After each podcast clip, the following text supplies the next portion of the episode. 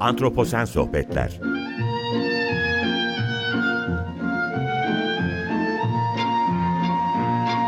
Hazırlayan ve sunan Utku Perktaş Merhaba, iyi akşamlar herkese. Antroposen Sohbetlere hoş geldiniz. Ben Utku Perktaş. Bugün programda özel bir konu konuşacağız diyeceğim. Ben çok kıymet verdiğim bir yayını konuşacağız esasında. Nisan 1993'ten beri yayında olan bir dergiyi e, bugün konu ediyoruz programa. Atlas dergisini. Konuğum daha önce Çernobil dosyasıyla programa konuk olan derginin editörü sevgili Özlem Numanoğlu. Özlem Hanım hoş geldiniz, iyi ki geldiniz. Ee, hoş bulduk öncelikle, hocam. Öncelikle çok teşekkür ederim. Kırmadınız beni yine ve birlikteyiz bugün. Eksik olmayın. Ben teşekkür Anladım. ederim Atlas adına sağ olun. İyisiniz. E, iyiyiz. İyi, iyi olmaya çalışıyoruz elden geldiğince. Bu, bu yıl dergi 30 yaşına bastı. Dolayısıyla ben de bu heyecanla e, hem bir tebrik evet. etmek istiyorum sizi. Hem de dediğim gibi çok önemsiyorum bu tür yıl dönümlerini ve o vesileyle de Atlas'ı konuşalım istedim sizinle. Siz de geldiniz eksik olmayın. Çok teşekkürler. Bu vesileyle ben de sizin programınızın e, 100. E, programımızı evet, kutlamış evet. olayım şimdiden. Ek, eksik olmayın. Çok teşekkür. Şimdi yavaş yavaş sorularla başlayabiliriz o zaman. Ben e, şimdi Atlas dediğim gibi önemsiyorum ve Atlas'ın başlangıcından bu, bugüne kadar e, geçen 30 yıl boyunca derginin nasıl evrim geçirdiğini düşünüyorsunuz diye bir editör olarak size sormak istiyorum. En azından sizin gördüğünüz, sizin gözünüzden, sizin perspektifinizden bunu nasıl konuşabiliriz? Ne söylersiniz Atlas dergisi için? Aslında bu soru 30. yıl özel sayımızı hazırlarken bizim de kendi kendimize sorduğumuz ve merak ettiğimiz bir soruydu. Çünkü 30 yıl e, belki kısa bir zaman dilimi gözüküyor, gibi gözüküyor ama yayıncılıkta oldukça uzun bir süre. Evet. E, derginin 30 yıl önceki sayılarına bugün teknolojik açıdan e, ulaşabilmemiz bile bir mesele. Çünkü tamamen başka teknolojiler, başka programlar la e, çalışılıyormuş o dönemler. Artık bambaşka programlarla çalışılıyor. Dolayısıyla hem teknik güçlükleri olan e, hem de e, hatırlaması e, e, güç bir soru aslında. E, fakat biz bu soruyu e, peşine düşmüşken başka e, şeyleri de bakmaya çalıştık. Örneğin son 30 yılda politik, toplumsal, kültürel anlamda ne gibi değişimler geçirdi acaba Türkiye ve dünya? E, ve bir panorama çiz, e, çizme fırsatı yakaladık. Tabii sadece yayıncılık değil aslında günlük hayatında e, büyük bir evrim geçirdiğini gördük. Atlas'ın ilk sayısı sizin de dediğiniz gibi Nisan 1993'te rafa çıkıyor. O yıl hayatımızda internet diye bir şey yok. Fakat internet e, CERN'de Avrupa Nükleer e, Araştırma Merkezi'nde aslında bir şekilde geliştirilmiş bilim insanları arasındaki bilgi alışverişini kolaylaştırmak için ve kamu malı olarak halka açılmış. Fakat e, bizim interneti kullanabileceğimiz teknolojiler yok. Hatta e, komik bir anekdot var. O yıl Bill Clinton e, işbaşı yapıyor, göreve geliyor Amerika'da. Ve dünyanın e-mail adresi alan ilk devlet başkanı oluyor. Ve görev süresi boyunca 8 yıl boyunca sadece iki e-mail atmış. Aa, bu bilgi çok çok çok güzel bir bilgi. Benim için çok yeni bir bilgi. Harika oldu. Evet. Yani. Ve e, bu e-maillerden birini de uzaya e, atıyor. Uzaya gönderiyor. e, işte böyle bir dünyadan, bilgiye aç bir dünya var.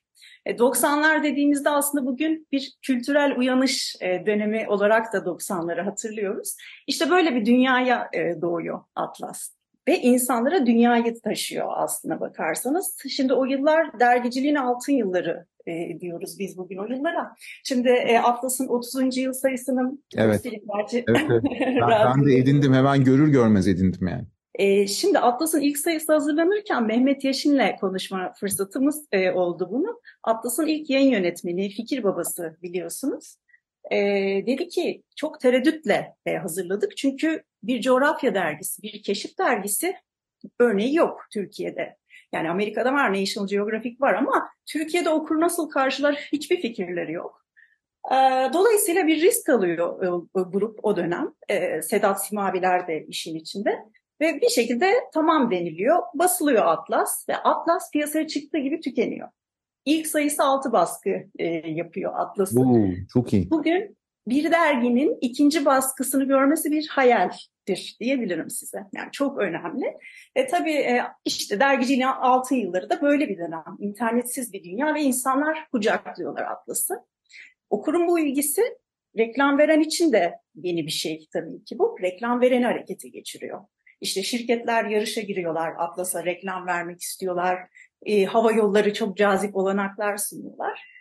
E, böyle bir dünyada Atlas işte yavaş yavaş dünya çapında bir coğrafya dergisine dönüşüyor. Vallahi çok güzel. Ya çok ben çok yeni bilgiler bunlar. Ben hiç bunları bilmiyordum. Nefis bir başlangıç oldu. ee, yani Atlas'ın evrim süreci böyle başlıyor diyebiliriz. Ama tabii bugün geldiğimiz noktada elbette çok şey değişti hocam. Yani şimdi biz sizinle, siz New York'tasınız, ben İstanbul'dayım. İnternet ortamında görüntülü bir görüşme yapıyoruz. Bu bir radyo kaydı olarak yayınlanacak. Ee, bambaşka bir gerçeklikte, bambaşka bir dünyada var olmaya çalışıyor. Ya ama şey şeyi konuşmuştuk. Geçtiğimiz yani geçen yılın Ağustos ayında kitaplar neden hayatımızda bu basılı materyaller. Hı hı. Can Kozanoğlu'nu da anmış olalım. Yayından önce andık. O da ona da sormuştum aynı soruyu. Şimdi bu basılı materyaller bizim hayatımızdan çıkmamalı. Yani tabii ki yer problem işte her zaman dergi biriktirilmiyor, alınmıyor, yer kalmıyor. Hani hepimizin sınırlı yaşam alanları var. Sonuçta kütüphane kurmuyoruz hani baktığınız zaman ama yine de bu basılı materyallerden vazgeçmiyoruz. Bir şekilde evde kütüphane de oluyor. Bir takım dergilerin özel sayıları da oluyor. Bunları hep koruyoruz. Yani bunlar bir aidiyet var yani bu tür şeyleri. Benim şimdi gördüğüm yani üniversitede de e, o genç kuşakta da ve ilginç bir şekilde yurt dışında da işte geçtiğimiz aylarda İngiltere'ye gitmiştim. Şimdi New York'tayım ama burada insanlar yine kitapçıları boşaltmıyor ama benim anladığım kadarıyla genç kuşağın da bu tür basılı materyallere olan bağlılığı azalmış gibi görünüyor. Bu gayet hmm. sadece Türkiye'nin problemi de değil ama genel olarak dünyada da böyle bir şey var. Herhalde internetin getirdiği ya da sosyal medyanın getirdiği bir tür yozlaşma mı demeli ya da e, evrimleşme süreci mi demeli onu bilmiyorum. Ama yine de kopmamamız gerektiğini inanıyorum. Yani Atlas'ın hayatını bu şekilde basılı olarak devam ediyor olması ben her zaman işte gazetecide ya da e, dergi satan bir e, markette ya da işte neyse e, gördüğüm her yerde gözümün aradığı dergilerden bir tanesi. Bunun gibi birkaç tane dergi var. Ne güzel, ne mutlu.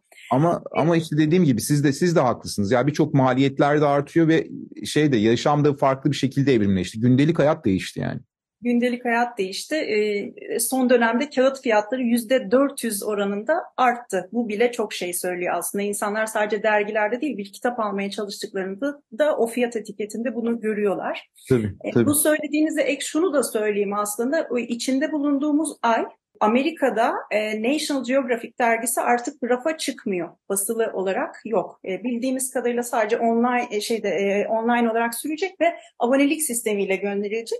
Yani 1888 yılında yanlış hatırlamıyorsam National Geographic'in ilk sayısı çıktı. Yani bu kadar köklü bir yayın ve aslında nispeten Atlas'a göre bir imkanlar denizinde yüzen bir yayın dahi geleneksel yayıncılıktan kopuyor aşamalı olarak. E başka bir dünyaya doğru evriliyoruz işte. Atlas'ın bu evrim sürecini nasıl tamamlayacağını tabii yazı işleri ve okurdan ziyade biraz bağlı bulunduğu yayın grubunun vizyonu belirleyecek muhtemelen.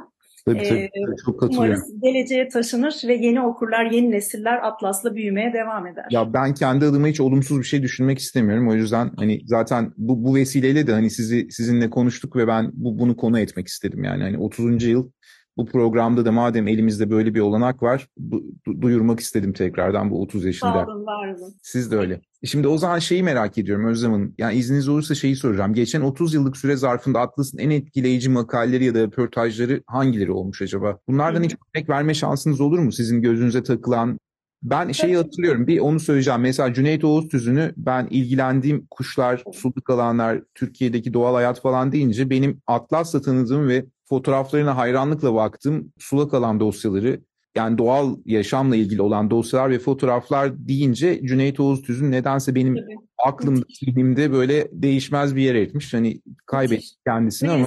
Kaybettiğimiz e, burada anmış olalım. Gerçekten Anadolu'yu en güzel gören gözlerden biri herhalde. Kesinlikle. E, Dijital de... fotoğrafçılık yok, bir şey yok. O zamanları normal fotoğraf makineleri ve o kuş fotoğrafları Cüneyt... inanılmaz. Harikadır. E, ve Cüneyt Oğuz'la ilgili ilginç bir şey e, söyleyeyim. Hazır lafı açılmışken. Tabii, tabii. Bugün Anadolu'da bir yere gittiğinizde yani çok ücra bir yere gidin ve Atlas dergisinden geldiğinizi söyleyin.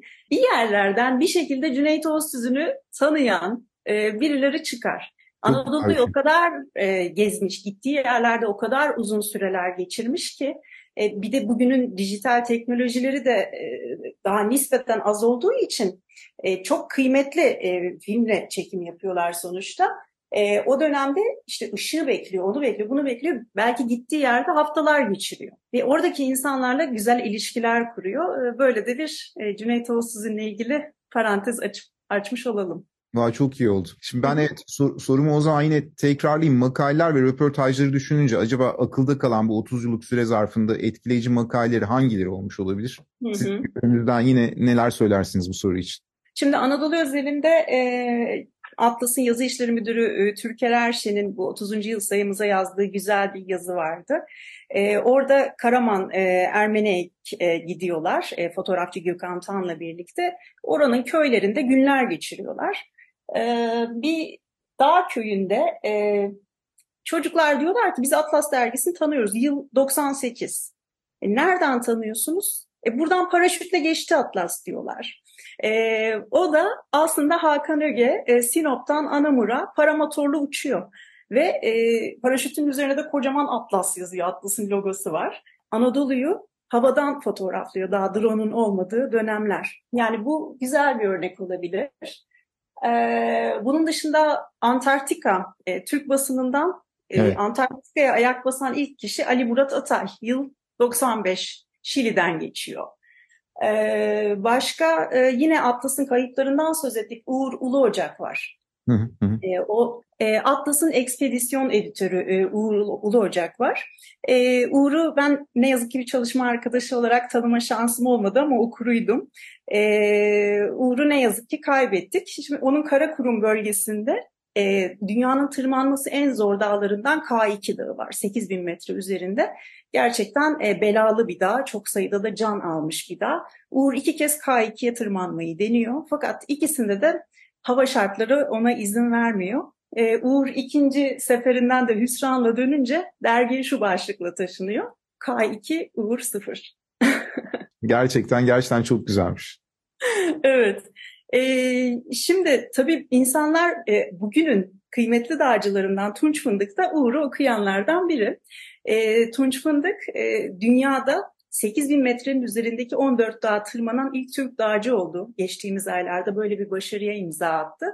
E, şimdi Tunç da e, bu projesini dergimizin Şubat sayısına yazıyor. E, kapağımız olacak Şubat ayında etkileyici hikayeler yazmaya ve okurlarını yoldan çıkarmaya da devam ediyor diyebiliriz.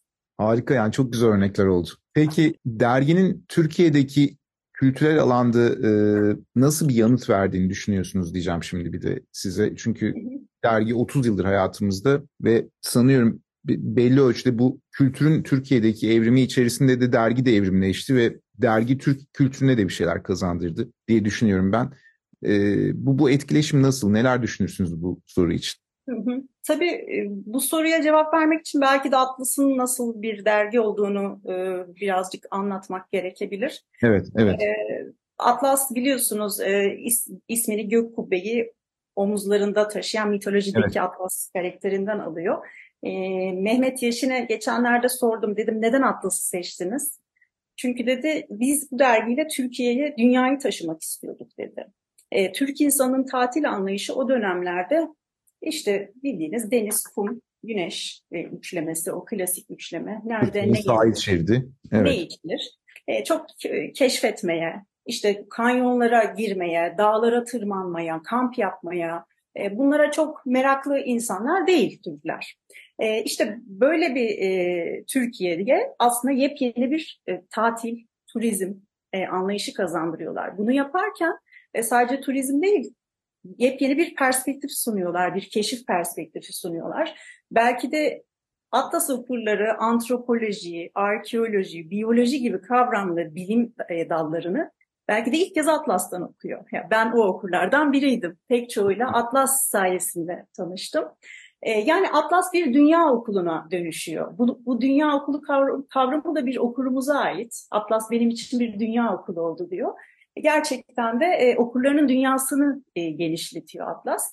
Klişeleri sevmeyen, yeni anlatım yolları arayan bir dergi sınır tanımayan bir dergi, kültürel, coğrafi sınırları tanımayan, e, anlatılmaya değer her hikayeyi anlatmaya çalışan ve hamasete sapmadan insanlara ülkesini sevdiren bir dergiye dönüşüyor Atlas. Ama aynı zamanda bir dünyalı olmayı da öğretiyor okurlarına. Dünyadaki her canlı eşit derecede önemlidir. E, hepsinin var olmaya hakkı vardır. Dağların, nehirlerin, göllerin dahi var olmaya hakkı vardır. E, ve tüm bunları yerli yazar ve fotoğrafçılarla yapıyor. E, bu da çok önemli tabii ki. İnsanları içindeki kaşifi e, çıkartıyor. Yani sürekli küçük küçük tohumlar atıyor Atlas okurların içine. Peki bu sorunun bir devamı olarak e, şeyi soracağım şimdi. Derginin Türkiye'de olumlu anlamda iz bıraktığı kesin hani böyle baktığımız zaman e, sonuçta konuştuğumuz o biraz önceki söylediklerinizden yola çıkarak bu izin toplumsal alanda size ulaşan yansımaları nasıl? Hani okurlardan gelen yansımalar, hiç ilginç şeyler var mı? E, buna neler söylenebilir acaba ya da örnek verilebilir mi? Pek çok okurumuz çocuğuna Atlas ismini koyuyor. çok güzel. popüler popüler bir isim biliyorsunuz. Atlas ismi şu aralar pek çok çocuk Atlas adıyla e, biliyor. E, ya şaka bir yana tabii farkındalık sahibi bir okur Atlas okuru. Dünyanın bir parçası olduğunu bilen, ona efendisi değil bir parçası olduğunu bilen bir okur. E, etrafına merakla bakan bir okur. Keşfetmek için bak sloganını zaten biliyorsunuz derginin. E, bir de ilginçtir her siyasi görüşten e, insan Atlas'ı alır, okur. Atlas'ın o kırmızı çizgilerine, değişmez çizgilerine e, saygı gösterir. Yani doğadan yana taraftır, kültürden yana taraftır Atlas. E, ve onun bu taraf olduğu noktalara o, okuru her zaman saygı duyar. Hangi ideolojiden ve yapıdan olursa olsun. Ee, öğretmeni de okur, mühendisi de okur, jandarması da okur, e, ev hanımı da okur. Çok farklı e, profil. Fakat e, bize gelen okur yorumlarından anladığımız kadarıyla e, hemen hepsi e, aslında Atlas'la büyümüş e, okurlar. E, ve bazı okurlarımız da e, çok genç okurlarımız olduğunu da görüyoruz. O bizi mutlu ediyor. Yani liseli e, öğrenciler bazen bizim e, mailler, e-mailler, eskiden mektup gelirdi artık e-mail geliyor ya da Instagram'dan mesaj geliyor dergiye. E, hepsinin söylediği şey bir farkındalık kazandıkları dünyaya mavi çerçeveden e, bakmaya çalıştıkları. E, bir okurumuz şey demiş, e, Atlas'tan 7 yaş büyüğüm ama e, biraz ilginç çünkü beni Atlas büyüttü diyebilirim diyor. E, bir başka okurumuz e, yıllar önce Mardin'de askerlik yaparken güvenlik kontrollerinde yaşların yüzlerinde dövmeler görüyor. Şimdi pek çok arkadaşı yadırgıyor tabii yani o dövmeler nedir ne değildir. E, okurumuz bir Atlas okuru olduğu için e, biliyor o dövmelerin e, ne olduğunu ha, ve şöyle diyor e, dövmenin iğne, yardımıyla anne sütü ve külle deriye işlendiğini biliyordum ve ekliyorum temel desenlerin ne anlama geldiğini bile hatırlıyordum diyor. E, işte e, bunlar bize gelen çok güzel yansımalar diyebilirim. Çok önemli izler. Gerçekten dergi iz bırakmış hani belli ölçüde. Şimdi ben de şöyle bir şey söyleyeceğim. Ben tabii liseyi bitirdiğim yıl 93. Atlas'ın da hayata geçtiği yıl. Sonra işte üniversite hayatı başlıyor bizim için. E, lisedeki arkadaşlarımla görüşmeye devam ediyoruz o dönemlerde. Hani üniversiteye başlayınca kopmuyor ilişkiler. Hala da oradan devam eden arkadaşlıklar var ve o zaman şu diyaloglar bizim aramızda geçiyordu. Atlas alıyorduk. Yani e, Atlas alınıyordu kesinlikle. Kendi aramızda ve Türkiye'deki en iyi derginin Atlas olduğunu 94, 95, 96 o yıllarda biz de üniversite öğrencisiyken kendi aramızda konuşuyorduk. Yani bu tür Türkiye'de bir dergi varsa en iyi bu Atlas'tır. Gerçekten her tür alandan inanılmaz bir perspektifi var. Evet. Herkese hitap eden bir dergi diye kendi aramızda o zaman konuşurduk. Üniversitede böyle bir komünite vardı. Şimdi bu biraz böyle hani e, üniversiteyi de programda konu ettik falan ama yani zannediyorum orta öğretimin kalitesi de Türkiye'de aşağıya çekiliyor. Bu tür bu tür şeyleri duymuyoruz artık ama e, bir şekilde en azından biz kendi çevremizdeki öğrencileri ya da genç arkadaşları diyeyim ya da meslektaşımız olacak insanları bunu biraz vermeye çalışıyoruz ama e, ne yazık ki böyle bir yozlaşma dönemi var. Buna diyecek bir şey yok yani.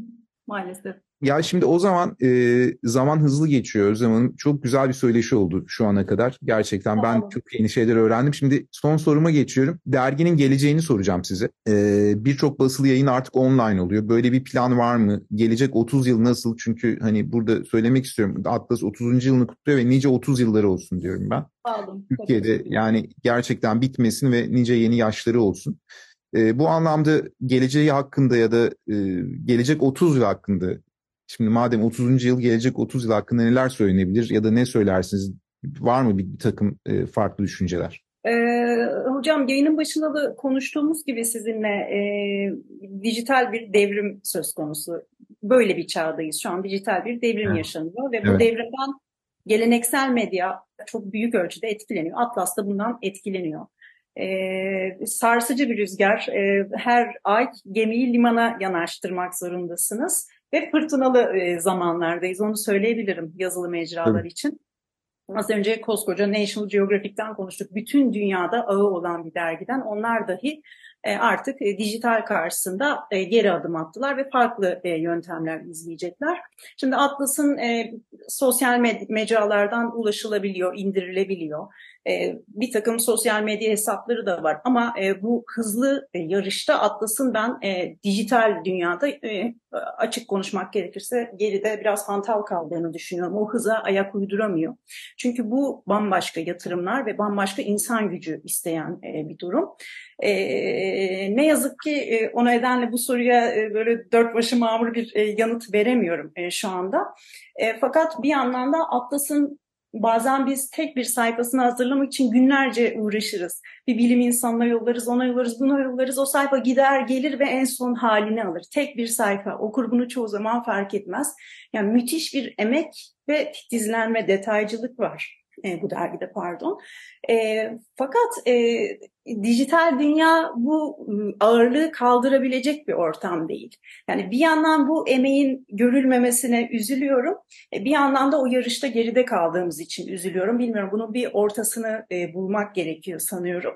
E, dileriz e, gerekli yatırımlar yapılır ve Atlas dijital dünyada daha etkin bir şekilde yerini alır. Özlem Hanım çok teşekkürler. Çok harika bir söyleşi oldu. Yani Atlas'ı konu etmek de çok güzel oldu. Sizinle buluşmak da gerçekten çok güzel oldu. Eksik olmayın. Ağzınıza sağlık. Bana ayrılan süre hemen hemen bitti sayılır. Dolayısıyla ben çok teşekkür ediyorum tekrardan size ve bu vesileyle dinleyicilerimize de iyi akşamlar diliyorum. Önümüzdeki günlerde Antroposen sohbetlerde tekrar buluşmak üzere. Hoşçakalın. Çok teşekkürler Özlem. Ben teşekkür ediyorum. Dinleyenlere de sağ olsunlar. Eksik olmayın.